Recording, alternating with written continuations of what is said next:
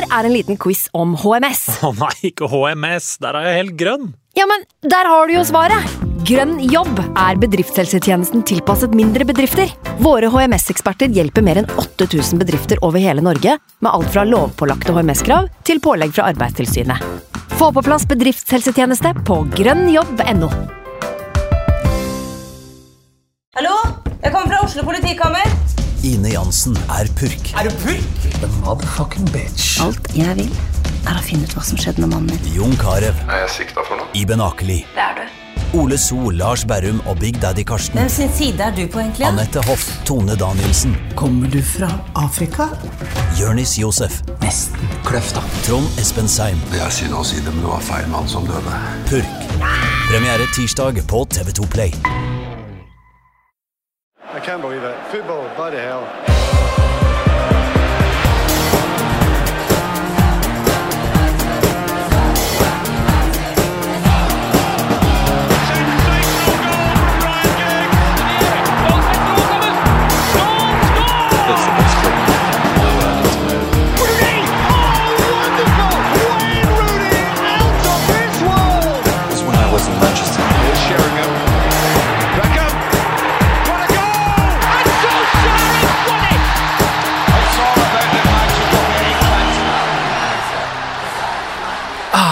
United mitt United. Velkommen skal du være til United We Podcast. Eivind Holt fra United.no, halloi!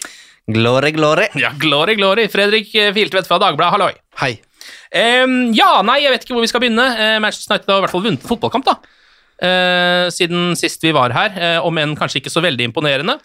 Jeg lurer på om vi skal faktisk begynne med å spole ganske langt tilbake. Um, og da Sir Alex Ferguson ga seg som manager i Manchester United, så tror jeg vi alle eh, som på den tiden hadde fulgt United en stund, tenkte at oi, det her er ikke bra, det her eh, kan ta tid å komme tilbake igjen. Vi har ikke noen plan for dette her eh, på plass. Han var et unikum. Hvordan skal man erstatte en sånn mann som har en sånn posisjon i en sånn klubb? Men hvordan, hva hadde dere sett for dere at var scenarioet i etterkant? Når dere der og da satt og tenkte litt sånn litt worst case og litt kanskje ikke det blir så ille. Hvor mange år hadde dere tenkt at dette blir krise, og hvor krise tenkte dere dette skulle bli? Fredrik, Uh, jeg kan begynne. Um... snakker vi ti, fem? Tenkte du sånn to år, så begynner det å snakkes igjen fem? Er det oppe i ti? jeg tror i mitt enkle hode at uh, når jeg begynner å Når jeg har ansatt ny manager og sånn, da, så tror jeg at jeg har tenkt at innen tre år så skal det være mulig å stable et eller annet på beina som Ja. skal kunne vinne trofeer igjen. Mm. Um, og nå er vi jo inne i den tredje treårsperioden, da. Ja. Um, og nå blir det jo sånn Er det åtte år til? Er det Så er jo mitt enkle hode sånn at jeg tenker innen tre år så skal det være mulig å få til veldig mye. Og det skal være mulig, Mm. men uh, sånn som klubben er bygd, sånn som spillere holder på, sånn som Så, så er det sånn Vil det skje en? Tar det 30 år? For her er uh, Det er ikke bare Liverpool og City og Chelsea og de laga der som er gode.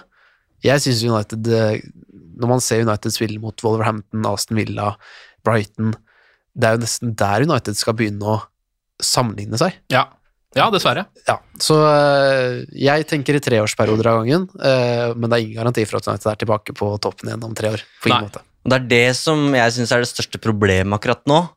At vi føler at vi er tilbake i 2013. Da. At nå skal vi begynne på nytt igjen. Ja. Og jeg føler at vi var nærmere enn noen gang med Solskjær, og så er det kan det godt være at det eh, scenarioet hadde blitt utspilt 100 ganger, og det aldri hadde endt med Premier League-gull, men Manchester United var litt Manchester United igjen, i hvert fall. da. Det var litt gøy å være supporter, og, og det Solskjær i hvert fall sørga for, var jo de derre øyeblikka, eh, som i Paris, eh, som mot City. Um, og nå når vi skulle starte på nytt igjen, så, så satt vi jo her og klødde oss i huet når det skulle ansettes typ, altså det skulle være tre United-trenere her på et halvår. Mm. Eh, hva slags framtid er, er det vi går inn i nå? Så henter de Ragnhild, som er en erkjennelse at vi, vi trenger hjelp til å bygge opp det her på nytt. Og det gir jo eh, Det overrasker meg nesten hver gang at når United ansetter en ny manager, så, så du får en ny boost, da, selv om du, på en måte, et managerbytte er jo et signal om at her nå er vi på bånn. Ja. Eh, men optimismen melder seg ganske kjapt, og i hvert fall når Ragnhild ikke bare skulle være en seks måneders vikar, men inn eh, og bygge et langtidsprosjekt. da. Men nå når vi sitter her etter seks matcher, så, så er det på en måte vanskelig å se hvordan det ikke, hvordan det ikke skal starte på nytt igjen. da. Og når Ragnhild sjøl, som Gegenprestens eh, far, ikke, ikke får til det her det er, det er klart det er tidlig, og det er mange formidlende omstendigheter her, men det har jo ikke vært et fyrverkeri.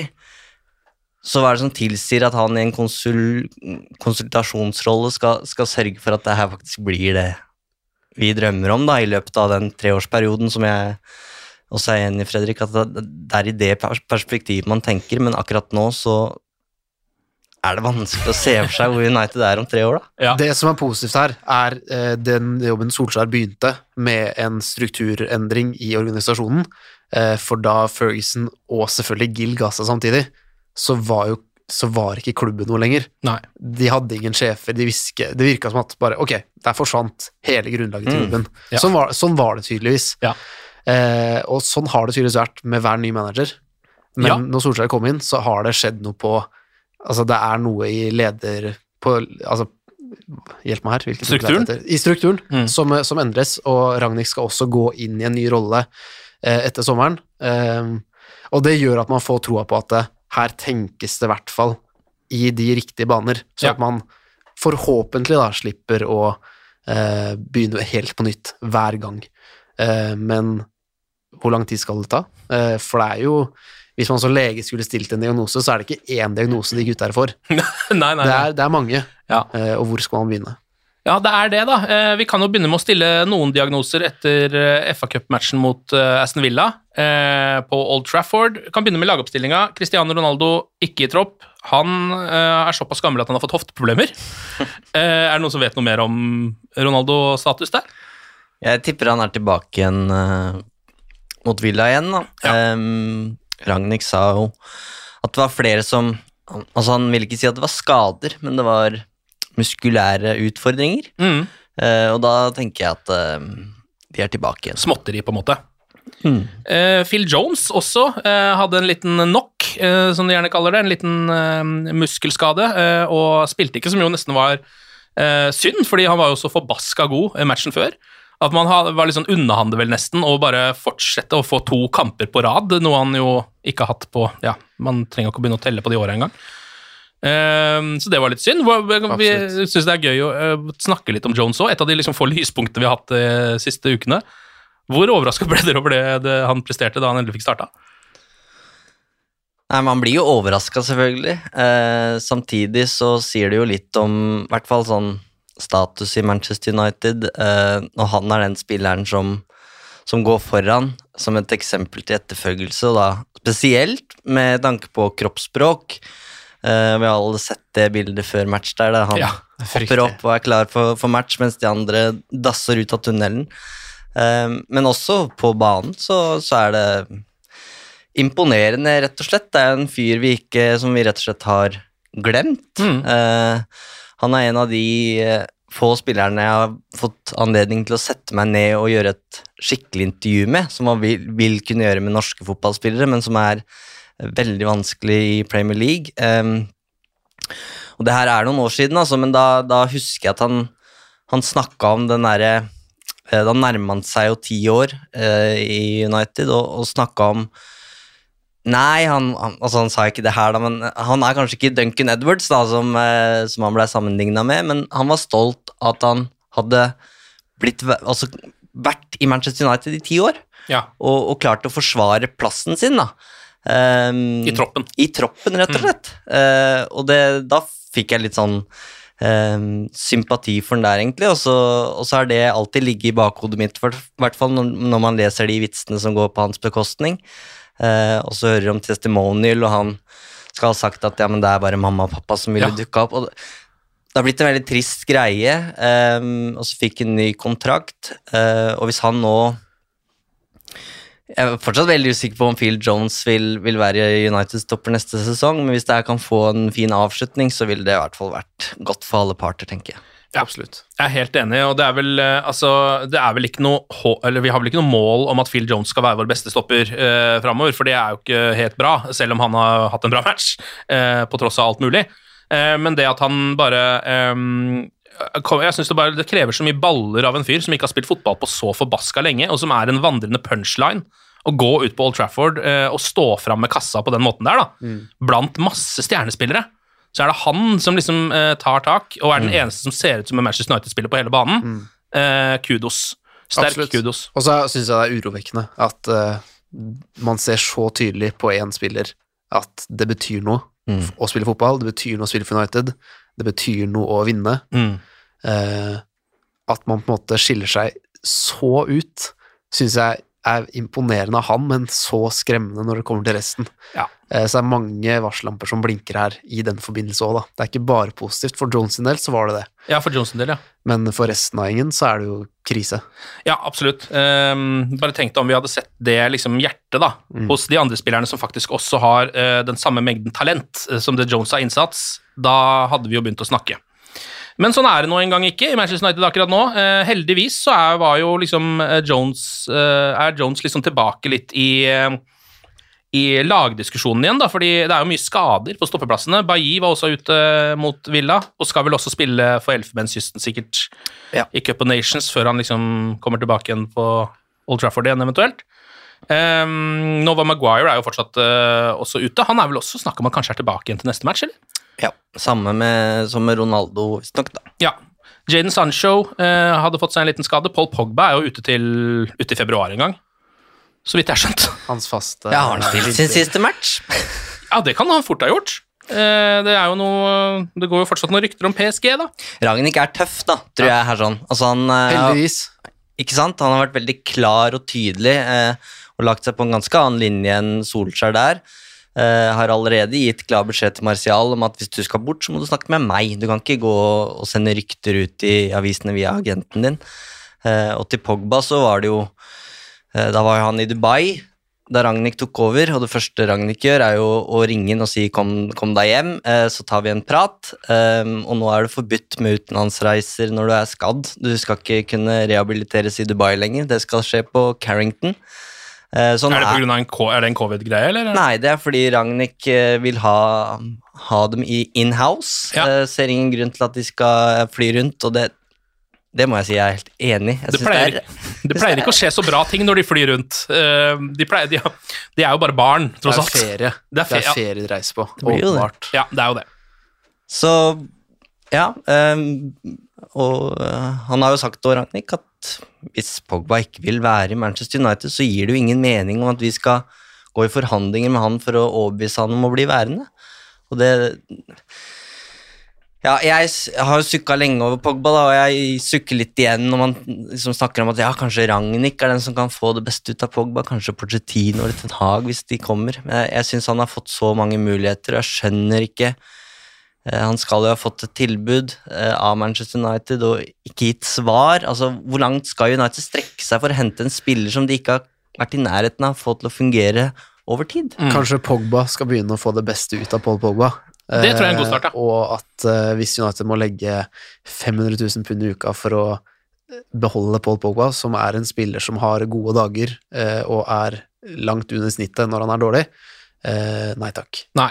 Så for alle parter, og det er kjempetrist. Jeg Mm. synes eh, det, er, det er helt mirakuløst at United ikke har fått det beste ut av Pogba. Ja. Det, er, det, er jo, det skal jo ikke gå an, en Nei. så god fotballspiller. Men der er vi, så mange år etter at den kom tilbake. Da tror jeg det er til det beste for alle parter at han finner på noe nytt å gjøre. Det blir jo veldig spennende å se da, om han ender i Real Madrid eller Juventus eller hvor, hvor han er. Hvilken spiller er han der?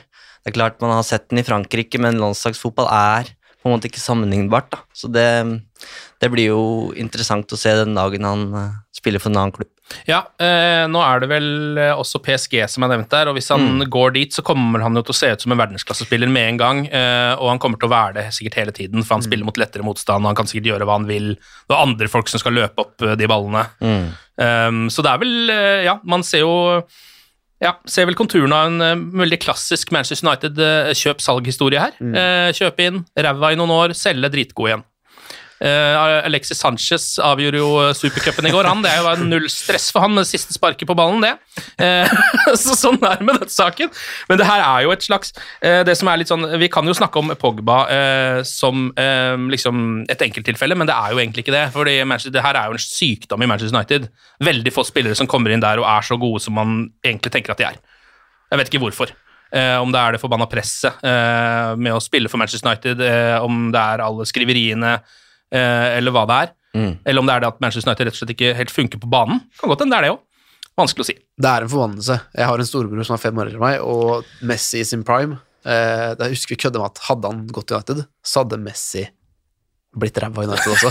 Det er liksom, Ja. ja. Du kan nesten ta hvilket som helst av de beste fotballspillerne i verden akkurat nå, Ja. og plassere, plassere med United, og så føle at det hadde tatt en uke, kanskje en god debut, og så, og så er de nede på Men det er, det er det som er nesten det verste, at man føler at spillere kommer inn med veldig gode rykter. eh, du leser liksom glødende omtaler, og så er de kanskje gode de, de to første, ja, som du sa, er, kanskje litt mer enn en uke, da, to, tre, fire uker. Eh, Di Maria synes jeg er et godt eksempel Ja. på det. Han hadde en veldig god start i, i United. Så er det akkurat som at liksom, når du har vært på Carrington en viss periode, så ja, da, da blir du dratt ned på United-nivå.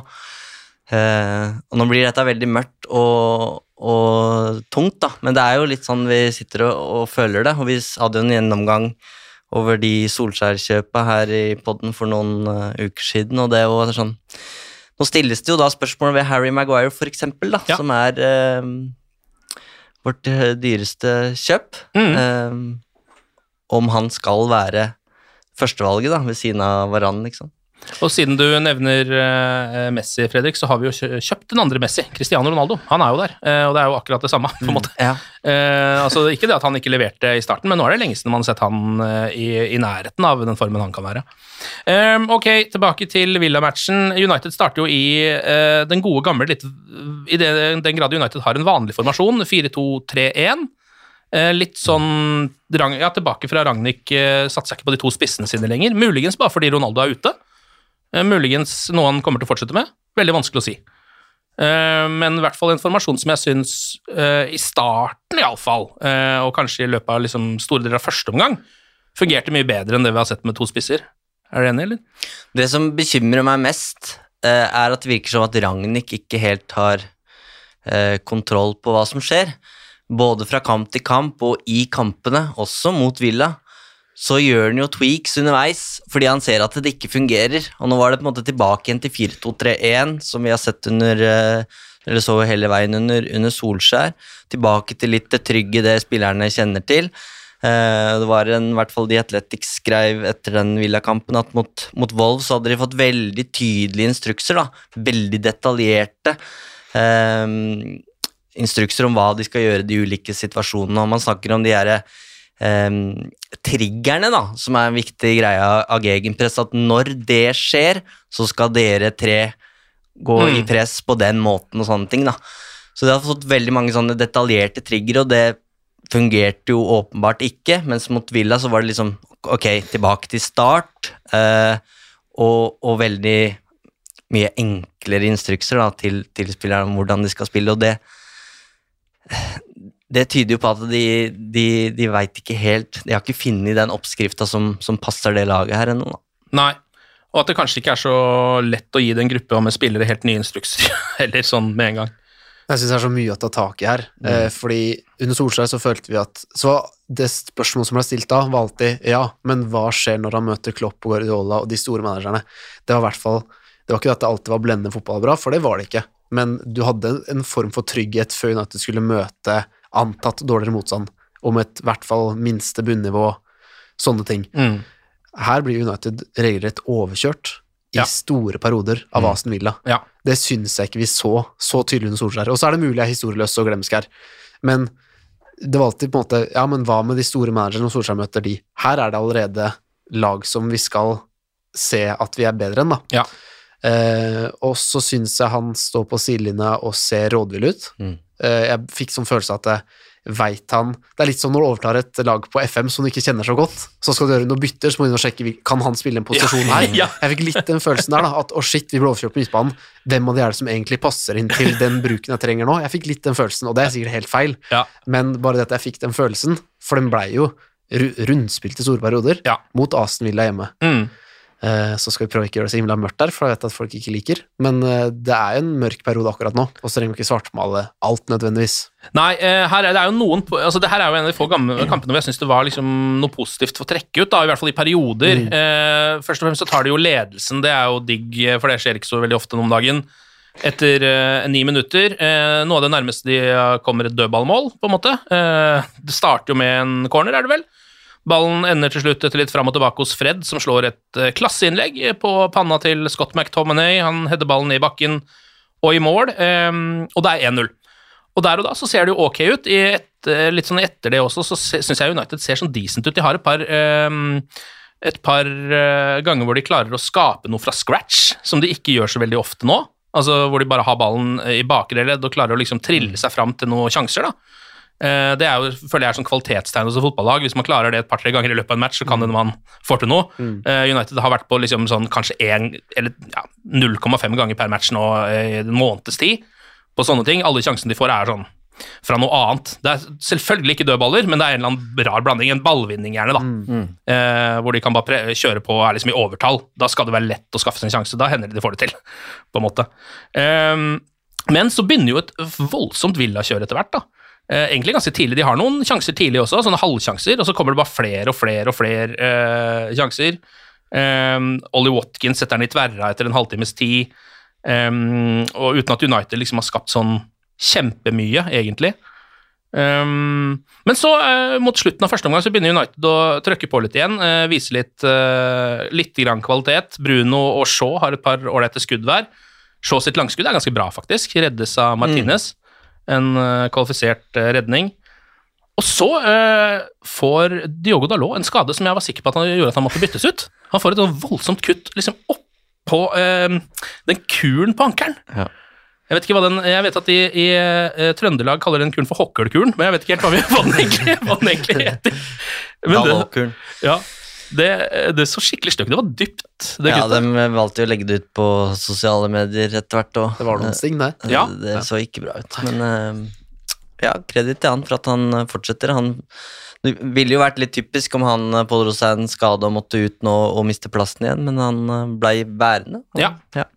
Blei værende, eh, mens Van Bissaka litt skuffa måtte ta, seg, eller ta på seg treningstøy igjen og gå og sette seg.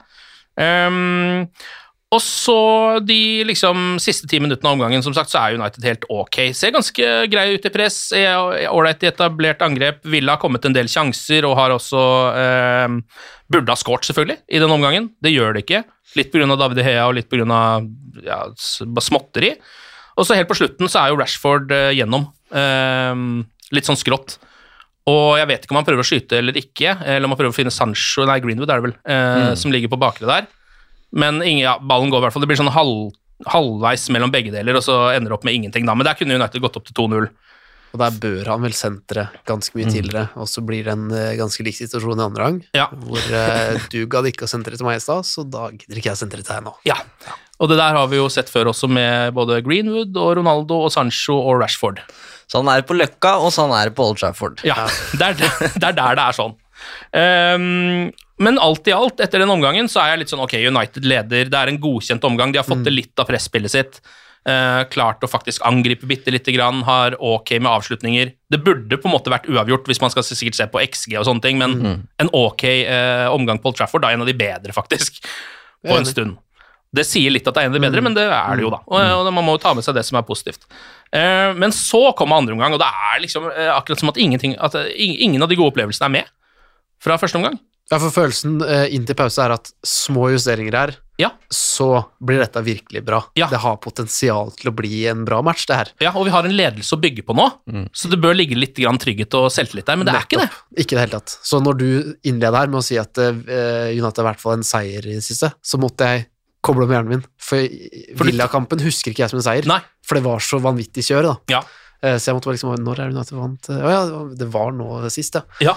Eh, og det sier jo litt om eh, hvor gode Villa var og den andre gangen til United, for det, det var virkelig ikke bra. Og så sier det her mye, syns jeg, om eh, hva, hvordan status er internt. Det veit vi jo veldig lite om. Eh, det er ikke noe realityserie om eh, innsidene på, på Åh, oh, gud, hvor glad jeg er for det, at ikke den går nå i tillegg. Å, herre jemini. Men jeg syns det er et veldig tydelig signal når det visstnok rakner såpass som det gjør i garderoben etter det første tapet til Ragnhild mot Wolverhampton. Da var liksom all, all uh, tro på det her fordufta igjen. Det var spillere som var usikre på om Ragnhild var, var den riktige løsningen. Og det, det forteller i hvert fall meg at her er det mye grums i den garderoben som det ville ikke forsvinne om Solskjær hadde blitt værende, eller om Ragnhild hadde kommet inn, og kanskje ikke om Guardiola, Pochettino, Klopp eller Tenaga hadde kommet inn. Altså fordi det ligger der og bare venter på å detoneres liksom ved første eh, nedtur. da. Ja. Og den der kollektive selvtilliten til Manchester United, den, den er så fraværende. Og det er det jeg mener den Villa-kampen illustrerer så godt. da, At de leder på hjemmebane mot Aston Villa, har brukbar kontroll. Det er ny manager, det er en sjanse her for å spille seg til Wembley og, og vinne et trofé.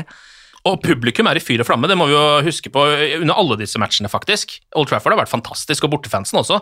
eh, som nesten er litt rart at ikke det har rakna litt og begynt å bli litt buing og litt surmuling der, men det har det faktisk ikke.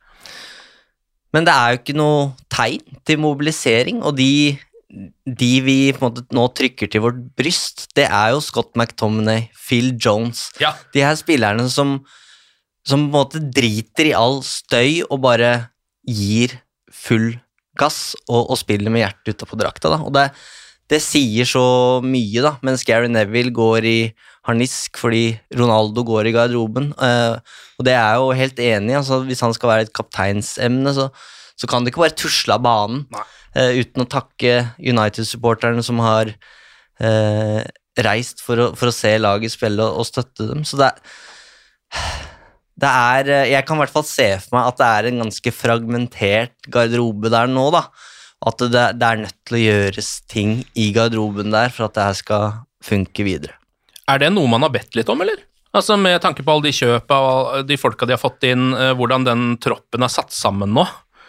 Ehm, det, er- jeg, jeg vet ikke. Det, um, kan, det er jo ikke sånn at man føler samholdet, liksom. Uh, det er jo en spesiell gjeng med typer de har satt sammen der. Men jeg syns det er veldig rart sorry at jeg avbrøt deg. Ja. Jeg synes det er veldig rart fordi vi hylla Solskjær for at han kvitta seg med det vi mente var disse giftige personene i garderoben. Eh, og så hadde jeg en prat med Solskjær for Dagbladet, hvor jeg spurte hva, hva slags spillere er det du ser etter. Jeg ser etter gode personer som er gode fotballspillere, som kan bidra for United lenge. Eh, Så han har vært veldig bevisst på at det skal være gode personer, gode mennesker, folk som kan ta med seg noe fint inn i garderoben. Eh, Bruno Fernandes. Mm. at jeg hadde tillit og tro på at dette var eh, fine, fine folk, da, eh, og at man kvitta seg med grumset. Og så føler han at det bare vokser fram stadig nytt ugress. Mm. Eh, det ble på et tidspunkt rapportert om at det var 17 misfornøyde spillere i United-garderoben. Og så tenker jeg, hvis man tar tallene fra hverandre og ser litt nærmere på det, så er ikke det så dramatisk i utgangspunktet, fordi syv av dem er misfornøyde fordi de ikke, får nok spilletid, Ja. fire av dem er misfornøyde fordi at de tapte forrige kamp, En av de er Pogba. ja, så er det liksom at det i seg selv, men 17 17 er mange det skal sies, men at det er nok ikke så ille som det ser ut egentlig. Mm. Men det er jo lekkasjene her, som aldri skjedde under Ferguson. Nei. Da skjedde det, så var det nåde deg, da var du ferdig i klubben. Ja.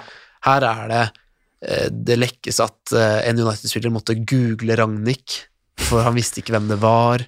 Det er noe lekkasje Altså, det er VM i å slenge dritt om manageren, da. Ja. I et forsøk på å få seg selv til å ikke se så himla dårlig ut. Mm. Og jeg tror et stort problem er at United-spillerne eh, de tror nok i utgangspunktet at de er langt bedre enn de er. Mm. Blir litt overraska når de ikke møtes med samme type respekt av motstanderen som de en gang ble.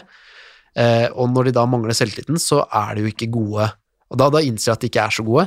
Så det blir en sånn Først tror du at du er bedre enn du er, og så mangler du selvtillit og skjønner at du ikke er så god, og så blir det bare Mm. Her er det mye som er eh, skummelt, da, syns jeg. Og så gjør, gjør jeg meg noen tanker. Du kan godt snakke om at Roy Keane eh, ja, Kanskje ikke Scholes, for han er jo ganske kritisk, men Keane og Neville spesielt da ikke er helt troverdige eksperter de mister litt av integriteten sin når de måte helt åpenbart ikke vil kritisere Solskjær. Mm. Men de har jo hele veien snakka om spillergruppa.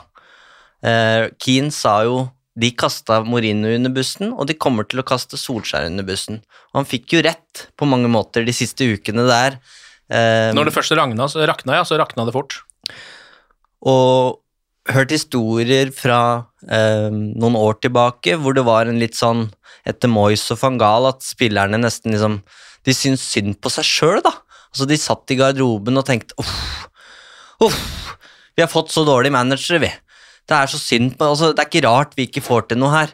Så nå må det komme inn noen og ordne det her. Og det er litt den jeg sitter følelsen med nå, at liksom De sitter bare og venter på at eh, Messias skal komme og vise dem veien til, eh, til himmels, da. Ja. Men ansvaret ligger jo hos de. Det hjelper ikke at Ragnhild kommer her med en mirakelkur hvis de ikke klarer å lese oppskrifta og, og gjennomføre den på, på banen. Um, og jeg sitter nå litt med den følelsen allerede at Ragnhild Altså, jeg frykter at han er litt overraska over hvor ille status faktisk er internt, da. Ja.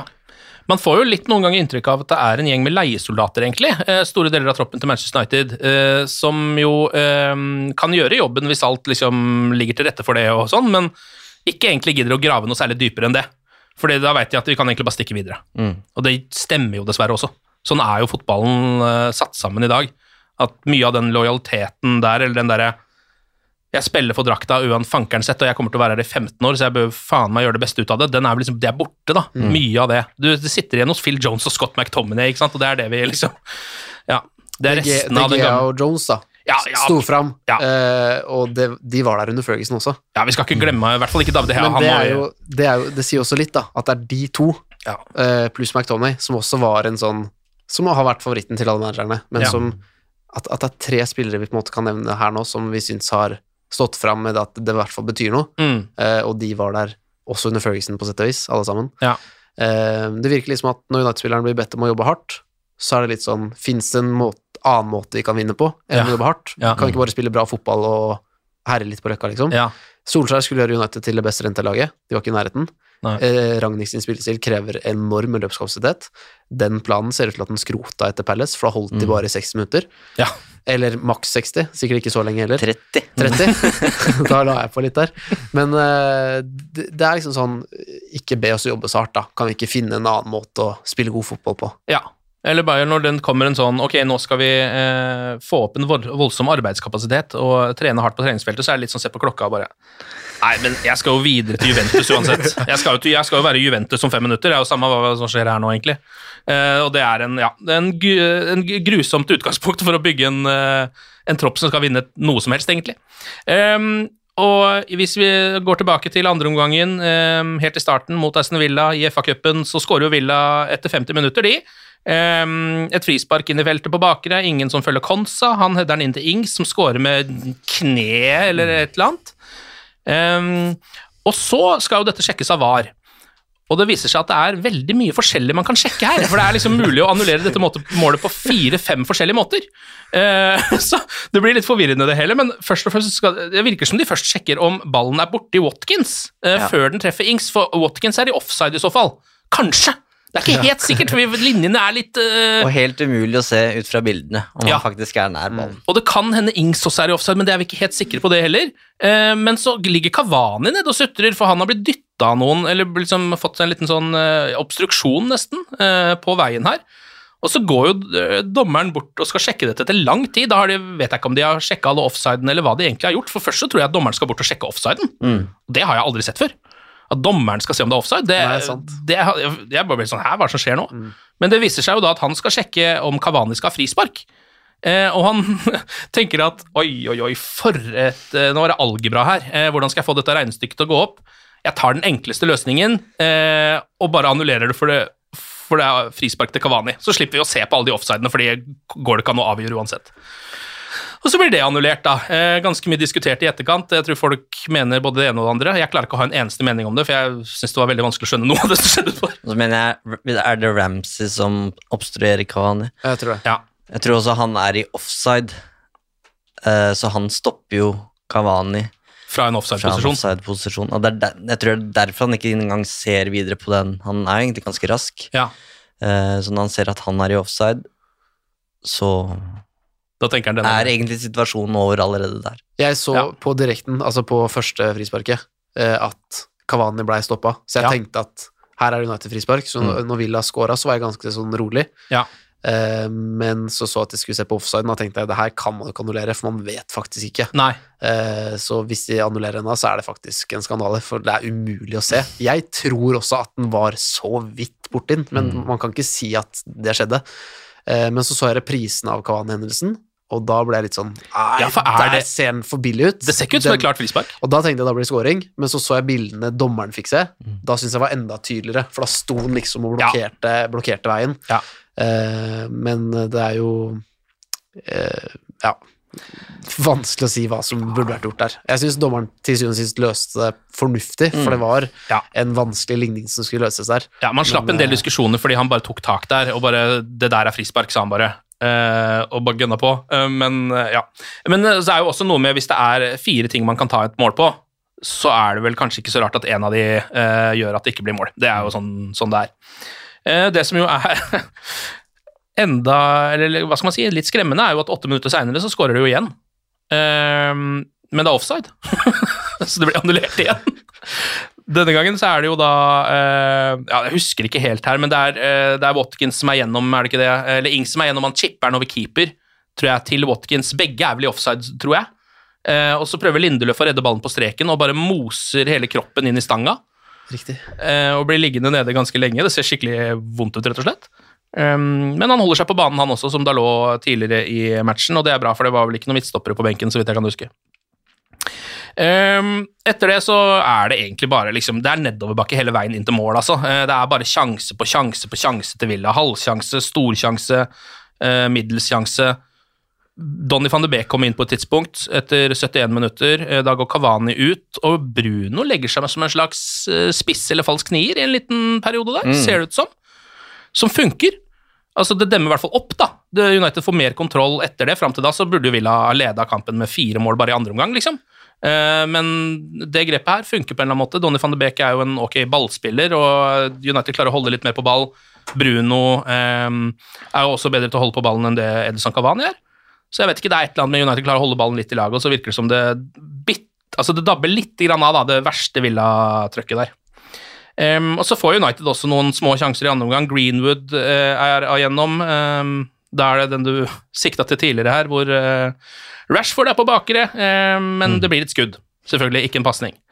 Em, men her ser vi nok en gang den der, som jeg føler er en Bruno Fernandes-spesial. Man ser en av disse hver kamp, hvor eh, det er veldig ofte et innkast som kastes rett på Bruno feilvendt, og han flikker den enten med hælen eller med liksom rist eller et eller annet sånt, bare rett i bakrom. Og det får United altså én sjanse på per kamp. Med Rashford eller Greenwood eller en eller annen som er gjennom der. Signaturtrekk. Ja, det er det, og det funker overraskende bra. Eh, Det er nesten litt sånn eh, mm, Nesten litt sånn sjuerfotballtrekk, føler jeg. At det er bare sånn, Gi inn til midtbanespilleren, så poler han ballen i bakrom. Eh, Og så har vi en rask jævel som er der oppe, men det funker. En andredivisjonsspiller som spiller for andre lag i femtedivisjon og får all den tida han trenger Ja. til å finne de romma der. til å bare lobbe ballen i bakrommet der. Men uansett, Lingard kommer inn for Bruno etter hvert her også. Elanga kommer inn. Og Ragnhild bytter ut alle straffeskytterne til Manchester United, eh, som jeg der og da tenker sånn Oi, dæven mann, nå eh, Nå går det på en tynn line her, fordi dette her blir fort mål, og da går vi fort til straffer her også. Eh, men det gikk heldigvis bra, da. United vant til slutt. Kunne blitt skummelt hvis det bare var liksom eh, ja, eh, en gjeng med de som vanligvis ikke skal skyte, som hadde vært igjen til å skyte straffer der.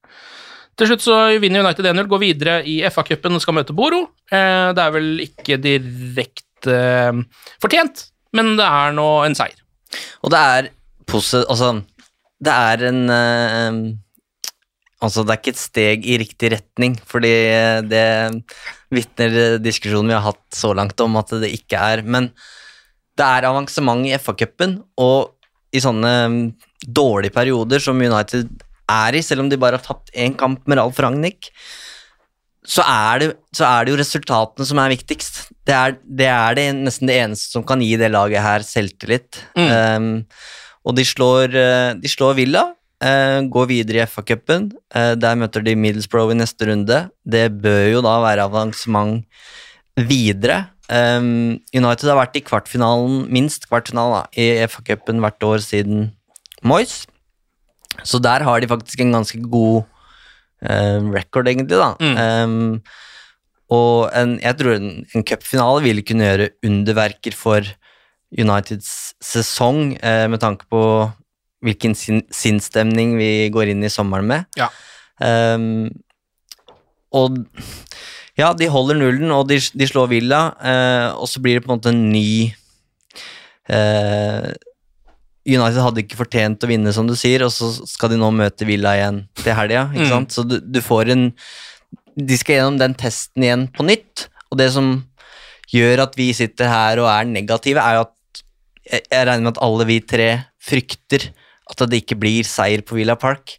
Ja. Fordi det var Aston Villa som på en måte gikk i strupen på, på United, og nå har de henta Coutinho og Din, liksom, og det, det er en Gerrard-boost der, da, mens det er, det er ikke den samme uh, Ragnhild-effekten på Old Trafford ennå, i hvert fall. Um, og det er jo Vi spiller sikkert fancy alle sammen her, og United har en sånn dobbel gameweek. Uh, og bare det at man liksom ikke vurderer så veldig mange andre enn Ronaldo da, Ja. inn på laget der, det syns jeg er et sånn signal på at ting Man, man har ikke veldig trua på at, eh, på at det her skal bli en, en ny opptur, da. Nei. Nei, eh, det er eh, rene ord for penga, rett og slett. det, fordi det er akkurat sånn følelsen er. Eh, å møte et eh, liksom revansjesugent lag eh, som var bedre enn oss på Old Trafford, borte nå. Det føles ikke kjempebra, det. Men når det er sagt, da, så, så er det Drømmen her er jo at vi skal eh, klare å motbevise Morten Langli, som ikke er her i dag for å forsvare seg, men han sa jo etter at Ragnhild eh, fikk jobben, om at eh, hva er det dere tror på? Eh, langtidsprosjekter i, i 2022. Det eh, Vis meg et langtidsprosjekt i dag. eh, som, eh, som fungerer, og det er jo det vi tror på. Det er derfor, i hvert fall derfor jeg håpa at United ikke skulle gå for Antonio Conte, men heller ansette en, eh, en eh, manager som kunne bygge klubben over tid. Og så kan andre godt peke på oss og le og, og si at ja vel, dere, dere tror det skal komme en ny Ferguson som skal være der i 26 år. Men det handler jo ikke nødvendigvis om det. Det handler om å United er i en identitetskrise, og det handler om å finne seg sjæl litt. Ja. Ehm, og, og det som Fredrik var innom i stad, så de, de stega som ble tatt, de endringene som ble gjort da Solskjæret var der Vi har John Murto, som er, en fotballdirektør. Vi har Darren Fletcher, som er teknisk direktør. Nå er Richard Arnold eh, toppsjefen Paul Trafford. Så det er på en måte en ny æra, og det er altfor tidlig å, å trekke noen konklusjoner på hvilken vei det her går, om, om det vil lykkes. Men det jobbes i hvert fall langsiktig, da. Um, og jeg tror den skuffelsen hvert fall jeg sitter med, og, og den negativiteten, det handler om at jeg har så lyst til å se signaler på at det her går riktig vei. Eh, og, og den Ragnhild-ansettelsen er så viktig i så måte, da den må, de, den må de på en måte lykkes med. Han må komme inn og bidra med noe eh, veldig konkret og produktivt i den managerjakta. Mm. Eh, og håpet er jo at man skal få inn en Ten Hag og Pochettino, og at, eh, at det her skal bli et langtidsprosjekt som går over tre år. Um, men uh, det motsatte blir på en måte de signalene man får nå, så, så gjør det vanskelig å tro på det akkurat nå. Da. Ja, det gjør det. Og um, du var jo innom disse rapportene om misnøye blant spillerne. Uh, at de ikke er fornøyd med Ragnhild og hans kvaliteter. Vet noen av dere noe om hvor mye vi kan stole på disse rapportene? Jeg tror ikke det er 17 spillere som vil bort. Nei, nei. Som vi, som vi så vidt snakka om, at misnøyen kan Sju av dem kan være misfornøyd med spilletid. Fire av dem med at United ikke er på tabelltoppen. Tre av Mm. dem med at uh, forrige kamp var dårlig. Så det trenger ikke være så dramatisk. Uh, men den typen misnøyen vi veit om Eller vi vet jo ikke så mye om den, men jeg er mer bekymra for uh, lekkasjene. Fordi de som hos alle som spiller fotball, så elsker du treneren om du spiller fast, og så hater du den hvis ikke du Ja. Da er den ræva idiot, fordi du burde jo spille selv. Ja, ja. Eh, så det er udramatisk, akkurat det. Men lekkasjene er jeg kjempebekymra for. Det tenker jeg er eh, den største utfordringa. En del spillere som vil bort, har det også vært snakk om. Ehm, og da er jo liksom spørsmålet hvis ehm, Ja, altså hvis mange av disse ryker, da, så blir det jo øh, vanskelig å få inn erstattere, rett og slett. Hvor Jeg skal man hente? jeg tror ikke Ragnhild vil slippe noen i januar. Um, han vil ikke slippe Dean Henderson, har han sagt, fordi han vil ha tre keepere, og regner jo da åpenbart ikke Lee Grant som et, uh, som et reelt valg. Um, Donny van de Beek uh, vil han heller ikke slippe. Det er jo en spiller som har fått eh, kommet inn en del ganger, i hvert fall. Eh, og jeg tror, altså, som han sier, stallen er stor, men den er ikke for stor. Og vi er inne i en koronasesong som er uforutsigbar, så jeg tror ikke han vil slippe noen. Martial eh, skal jo være ønska av Sevilla, Ja. som kom med, med tilbud om lån. Um, Der er jo nødt til ganske harde krav, har jeg sant? De ville betale halve lønna. United kontrer med dere betaler hele lønna og skal betale oss en liten sum i tillegg. Det tyder jo ikke på at de er ikke desperate etter å bli kvitt eh, Martial. De skal Nei. ha en god deal. Så jeg tror ikke det mm, skjer så mye, men det som også er verdt å ta med i betraktning her, er at her er det spillere hvor, hvor bare mm, begeret Altså den siste dråpen har liksom kommet nå. Dette er jo Dean Henderson eh, og Donny van de Beek og Anthony Martial har jo hatt en nedadgående kurve lenge. Mm. Eh, Johan Mata har jo Det er lenge siden han var fast på laget, så det er jo spillere som allerede i sommer sikkert var usikre på om de skulle bli værende. Ja, og som det er litt naturlig kanskje at det forsvinner etter hvert også. Pluss på Bailly, Lingard, jeg vet ikke om du nevnte de. Eh, Nei. Så det er liksom syv-åtte spillere som er ganske opplagte, da. Ja. Som sannsynligvis er misfornøyd med at de ikke spiller nok, Mm. og som derfor ønsker seg bort. Og det, det høres ut som spillere som man eh, sånn sakte, men sikkert bør kvitte seg med. Mm. Ikke alle på en gang, selvfølgelig. Eh, og så er ikke jeg helt enig med Ragnhild at stallen er så stor at den ikke kan kvitte seg med noen. Jeg tror ikke United hadde lidd noen nød om Mata og eh, Nå kom jeg ikke på den andre jeg skulle si, eh, men eh, Amad Diallo burde lånes ut. Ja. Ehm, Mata kunne fint forsvunnet uten at det hadde vært noe krise. Det er så mange i hans posisjon som Mm. er foran han ikke som ikke får spille de heller. Mm. Så stallen er jo for stor, men selvfølgelig, det er mye skader og korona, så jeg skjønner jo også hva han mener. Og så er det bare for å jeg, Ja, noe positivt oppi alt det her, da. Um, vi snakka mye om grums i garderoben og sånne ting, men hvis du set, ser på laget på papiret, og du ser på når Ragnhild sender ut sin beste elver, så tenker du jo Dette er et bra lag, da. Det er bra Ja. spillere på det laget her. Um, og med og så spillere som Digea, Varan, uh, Luke Shaw, Scott McTominay velger jeg å ta med her, i hvert fall. Eh, Bruno Fernandes, Jaden Sancho, eh, Cristiano Ronaldo, Mason Greenwood, Marcus Rashford. Nei, de ni har ikke vært i Det er ikke Ballon d'Or-vinnere, det her, akkurat i dag, men det er jo spillere hvor jeg tenker Det er en stamme. Det er Ja. verdt å beholde, eh, og så skal vi bygge rundt det.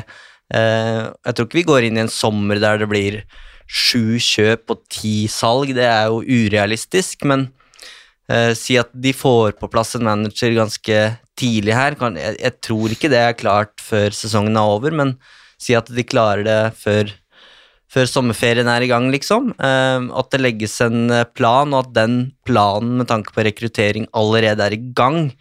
Det, det tar jeg som, et, som en selvfølge nå som det er ansatt en fotballdirektør. Hvis Mm. ikke så er det jo bare en, en meningsløs tittel. Ja. Eh, men at det arbeidet er, er satt i gang, eh, og at man allerede nå har sett for seg eh, den komplette midtbanespilleren som skal inn og styrke, styrke midtbanen der. Og med et par brikker til, så, så er det ikke utenkelig at det her kan se veldig bra ut i august, da. Men Mm. det er jo en jobb som skal gjøres her av eh, en organisasjon som er ganske nylig satt sammen, så det, det blir spennende. Mm. Vi kan ta et par spørsmål fra eh, Twitter også på tampen her. Eh, Henrik har også lagt merke til at United er helt ræva på dødballer. Eh, Og han spør da er vi historisk dårlige i Premier League-sammenheng på offensive dødballer. Har det noen gang skjedd for at et lag ikke har scora på det etter 19 seriekamper? Um, og akkurat det syns jeg det var litt vanskelig å finne tall eh, på, for det er ikke så mye statistikk som går på sånn midtveis i sesongen og sånn. Men eh, vi kan jo uansett bare se på de tallene som vi vet om, da, og det er at eh, Liverpool har skåret flest eh, dødballmål denne sesongen. Det er ti. Eh, Så kan man sammenligne det med Uniteds null, eh, og så kan man se på de som har nest flest. Den er nest verst, altså de som har nest færrest. De som er nærmest United på denne tabellen på bunnen der. Og det er Norwich. Eh, og de har to dødballmål. Og det er, eh, ja, det er så mange ganger flere enn null at, at det går ikke an å gange det engang. Eh, så ja, er historisk dårlig, vanskelig å si, men eh, helt, helt, helt, helt, helt på bunn, det er det. Dårlig uttelling for uh, Ramsey, han heter, dødballtreneren. Ja. Han, det så jo bra ut i starten. Det var noen nye ting som skjedde der, og det syns jeg har sett litt nå. At det fins noen sånne frekke varianter som dukker opp innimellom som bare ah, Det kunne nesten blitt en sjanse, men det har ikke skjedd ennå, så jeg vet ikke. Um, Martin eh, har lest et intervju med Cristiano Ronaldo, eh, som er ganske fersk, så vidt jeg har fått med meg. Ehm, og han skriver da Cristiano Ronaldo sitt intervju hvor han ikke er veldig imponert over unggutta. Har han et poeng? Noen av dere som har eh, lest det, vet hva han snakker om? Eh, så så vidt eh, bruddstykker av intervjuet i stad. Eh, leste vel at han sa da han som unggutt i United eh, eh, Da han var unggutt i United selv, så ble han gjerne tatt til siden av den eldre garde eh, med tips og konkrete råd om hva han måtte legge fra seg, gjøre, endre, forbedre, sånne ting.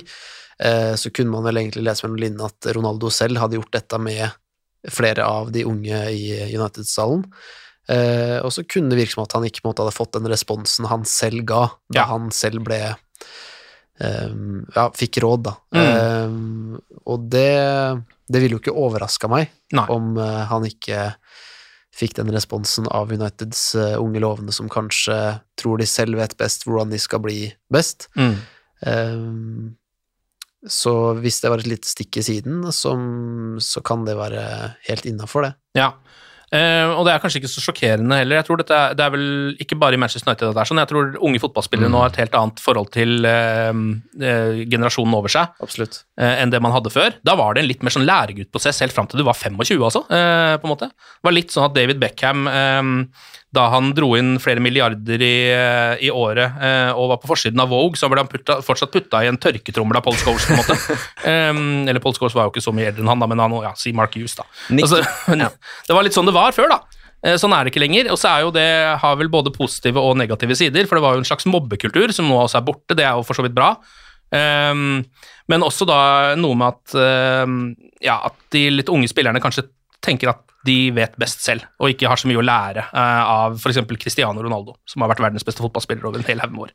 Det er jo bekymringsverdig um, hvis ikke engang Cristiano Ronaldo Er klarer å motivere den nye generasjonen. Men jeg tror, bare for å igjen trekke fram en positiv tanke her Jeg tror Anthony Elanga er et unntak da, på Carrington. Solskjær eh, veldig imponert av eh, Elanga. Han skulle debutere på, på nyåret i fjor, og så fikk han en skade som gjorde at han var ute i fire-fem uker. Uh, og Solskjær fortalte at han var overraska hvor raskt Elanga på en måte var tilbake igjen i Altså at han var uh, aktuell igjen da, for førstelaget. Han var så skarp. En enorm uh, dedikasjon på treningsfeltet. Og den der mentale, det der laserfokuset da, som Ronaldo er så kjent for. Og han forsvant jo um, Han var jo på en måte ikke involvert i, i høst under Solskjær, og det handla nok mest om at da var det mm, snakk om å uh, skvise ut de resultatene man kunne. Eh, men tilbake igjen nå hos Ragnhild, uh, og har fått uh, innhopp. Og på statistikken så er det Antony Langa som, som presser mest. Det er klart det er lite bevismateriale her, da. det er ikke så mange minutter. Um, men jeg har jeg tror han er en spiller Det er ikke sikkert han blir United-spiller um, i det hele tatt, men det virker som det er en eh, svensk tenåring som um, har det i huet, i hvert fall. Mm. Uh, og som sånn sett kan nå langt.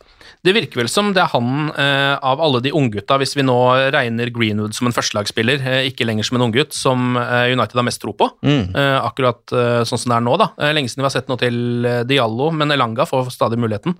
Ehm, og virker ganske Jeg vet ikke, jeg har sett han i hvert fall um, han, ha, han har noe. Positiv energi, i hvert fall. Mm. Ja, positiv energi og uh, fart, ok teknikk, en god avslutningsfot. Altså, han virker som en spiller som kan bli veldig bra. Da. Ja, jeg syns United-salen, for å følge litt opp det Eivind sa i stad, at uh, da Solskjær var ferdig, så følte jeg at han etterlot seg en stall som det er veldig mye bra med. Åpenbare huller eh, på midtbanen der.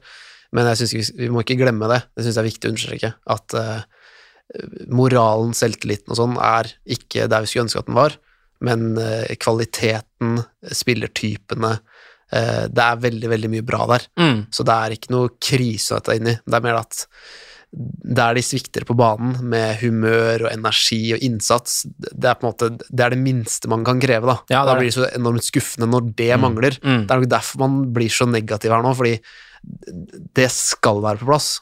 Og så er det lov å ha en dårlig dag med ballen i beina og taktiske avgjørelser og sånne ting. Men når det mest grunnleggende mangler, da syns jeg man skal få lov til å slakte litt. Mm. Eh, men stallen eh, i sin helhet eh, det, det er ikke sånn at det var en overhaling i sommertid i det hele tatt. Det er ikke der. Det er små justeringer på overgangsmarkedet.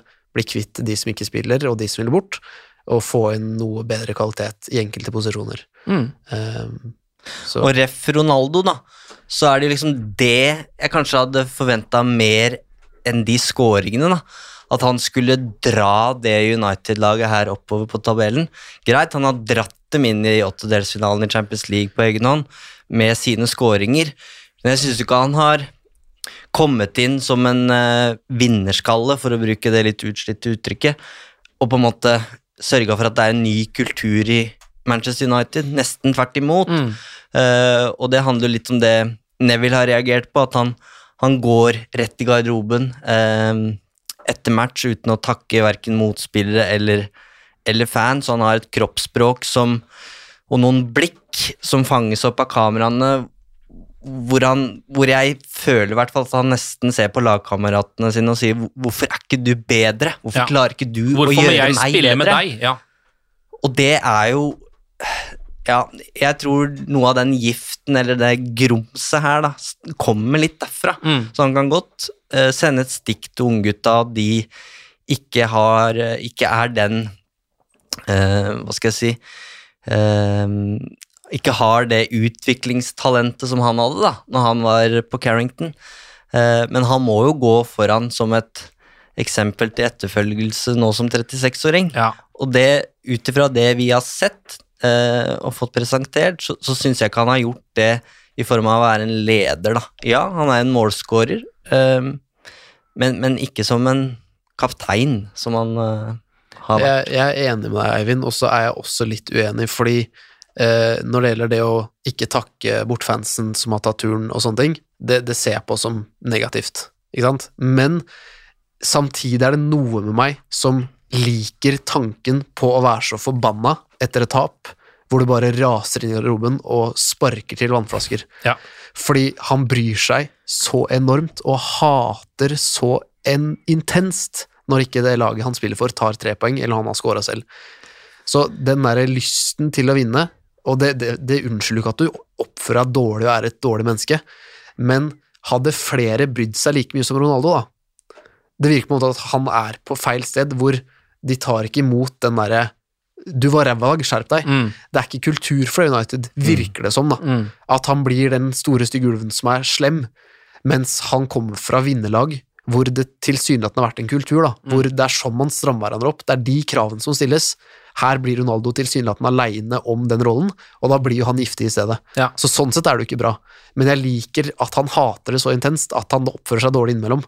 Men i United så passer ikke det inn nå. Så jeg, det er jeg helt enig i. Vi trenger det der keen eh, den Keane-flammen. da. Vi trenger en Wayne Rooney sin prime som, som krangler med, med dommeren og uh, fyker og smeller ballen i krysset mot Newcastle liksom, i de neste sekundene. Det, det er jo igjen tilbake til Jones, McTominay og de der. da. Um, og for å, det, for å se litt fra Ronaldos perspektiv der, da, så har ikke han Han har ikke tid til å komme til Old Trafford for å eh, for å gjøre Manchester United til et vinnerlag. Han må vinne nå. Ja. Og det er jo det han sier i det intervjuet òg. Jeg har ikke kommet hit for å, for å ta femte- og sjetteplasser. Eh, vi må vinne nå. Mm. Um, så hvis det her ender med en femte- og sjetteplass, så blir det kanskje løsninga at han forsvinner videre, da. Uh, Istedenfor å bli værende og prøve å dra det her eh, laget til toppen av tabellen. Ja, for det, ja, det er så mye som er usikkert nå. Vi vet liksom ikke hvem er manager. Skal Cristiano Ronaldo være spiss nå? Altså, vi vet liksom ingenting. Eh, bare en sånn et rart vakuum hvor man ikke er klar over noe. Eneste vi vet, er at eh, vi skal møte Villa igjen på lørdag. Eh, denne gangen borte, og denne gangen i Premier League. Ehm, Jones, Ronaldo, Sancho, Maguire kan bli klare til kampen, så vidt jeg har skjønt. De har liksom små skader. Eh, Shaw og McTominay må jo stå over fordi de er, sus er suspendert, Mm. så vidt jeg vet. Tunge forfall. Ja, det er ganske tunge forfall, for der har man ikke Altså, nå har jo uh, Telles vært helt decent, han. Uh, McTominay kan vi liksom per nå nesten ikke erstatte på midtbanen ordentlig, Helt riktig. dessverre. Han gir jo det vi etterlyser, da. Ja. Innsats og trøkk og Ja, det er akkurat det. Um, så vi får se hva som skjer uh, der. Det Ehm, kan jo bli ei sinnssykt bra uke, da. Med avansement i FA-cupen og en eh, Det som vil være en sterk borteseier, da. Ja. eh, Mot Hesten Villa. Og også hvis vi ser på tabellen, eh, så vil en borteseier her på en måte Da er sesongen igjen på et slags spor. Mm. Fordi da har de hengt på den fjerdeplassen som bare det, og kan også klatre litt hvis de kommer i en ordentlig kommer i ordentlig form. Da. Det er det som er litt sånn rart med å se på den tabellen, for det er på en måte ikke representativt um, når man ser på hvordan man, eller hvordan man har det i hodet at United har vært denne sesongen, for det har vært ganske dårlig. Og på tabellen så er det ikke så langt unna å være helt decent. Altså egentlig helt sånn, ja, det var det man regna med, nesten. Så ja, det er små ting som skal til, men det må starte allerede på lørdag. Eh, Vi kan ikke utsette det så veldig mye mer. Fredrik og Eivind, tusen takk for praten, og glory, glory.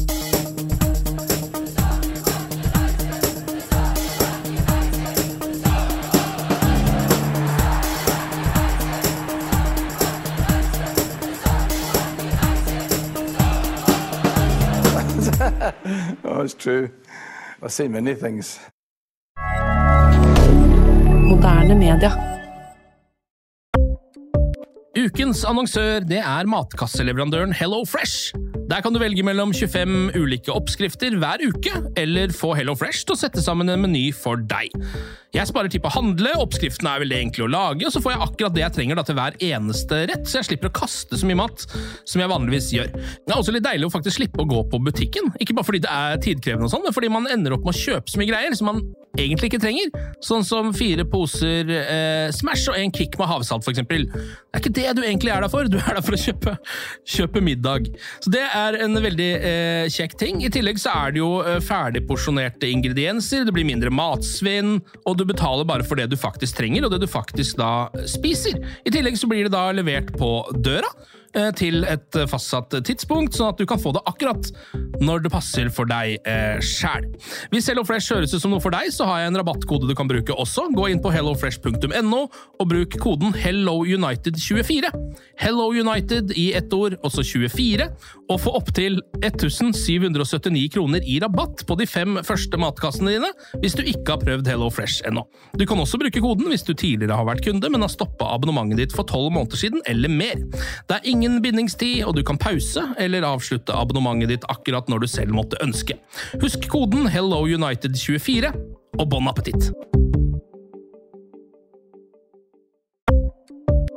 Ukens annonsør er Folio, en smartere banktjeneste for deg som har en egen bedrift eller ønsker å starte for deg selv. Folio er en superenkel nettbank for bedrifter. Som kunde i Folio får du en bedriftskonto med et bedriftskort og app. I denne appen er det smarte løsninger som forenkler regnskapet ditt, uansett om du har en liten bedrift eller et enkeltpersonsforetak. Folio er både intuitivt og brukervennlig, og er laget med et enkelt språk. I tillegg tilbyr de forutsigbare priser og ingen skjulte gebyrer. Skulle du likevel trenge det, så kan du snakke med deres raske og hyggelige kundeservice, og der får du prate med en faktisk person og ikke en chatbot. Folio er med andre ord både enklere og koseligere enn banken. Over 10 000 bedrifter har allerede valgt Folio som sin banktjeneste, så besøk folio.no og se hvordan Folio kan forenkle din hverdag også. Har du et enkeltpersonforetak eller en liten bedrift? Da er du sikkert lei av å høre meg snakke om hvor enkelt det er med kvitteringer og bilag i fiken, så vi eh, gir oss her, vi. Fordi vi liker enkelt. Fiken superenkelt regnskap.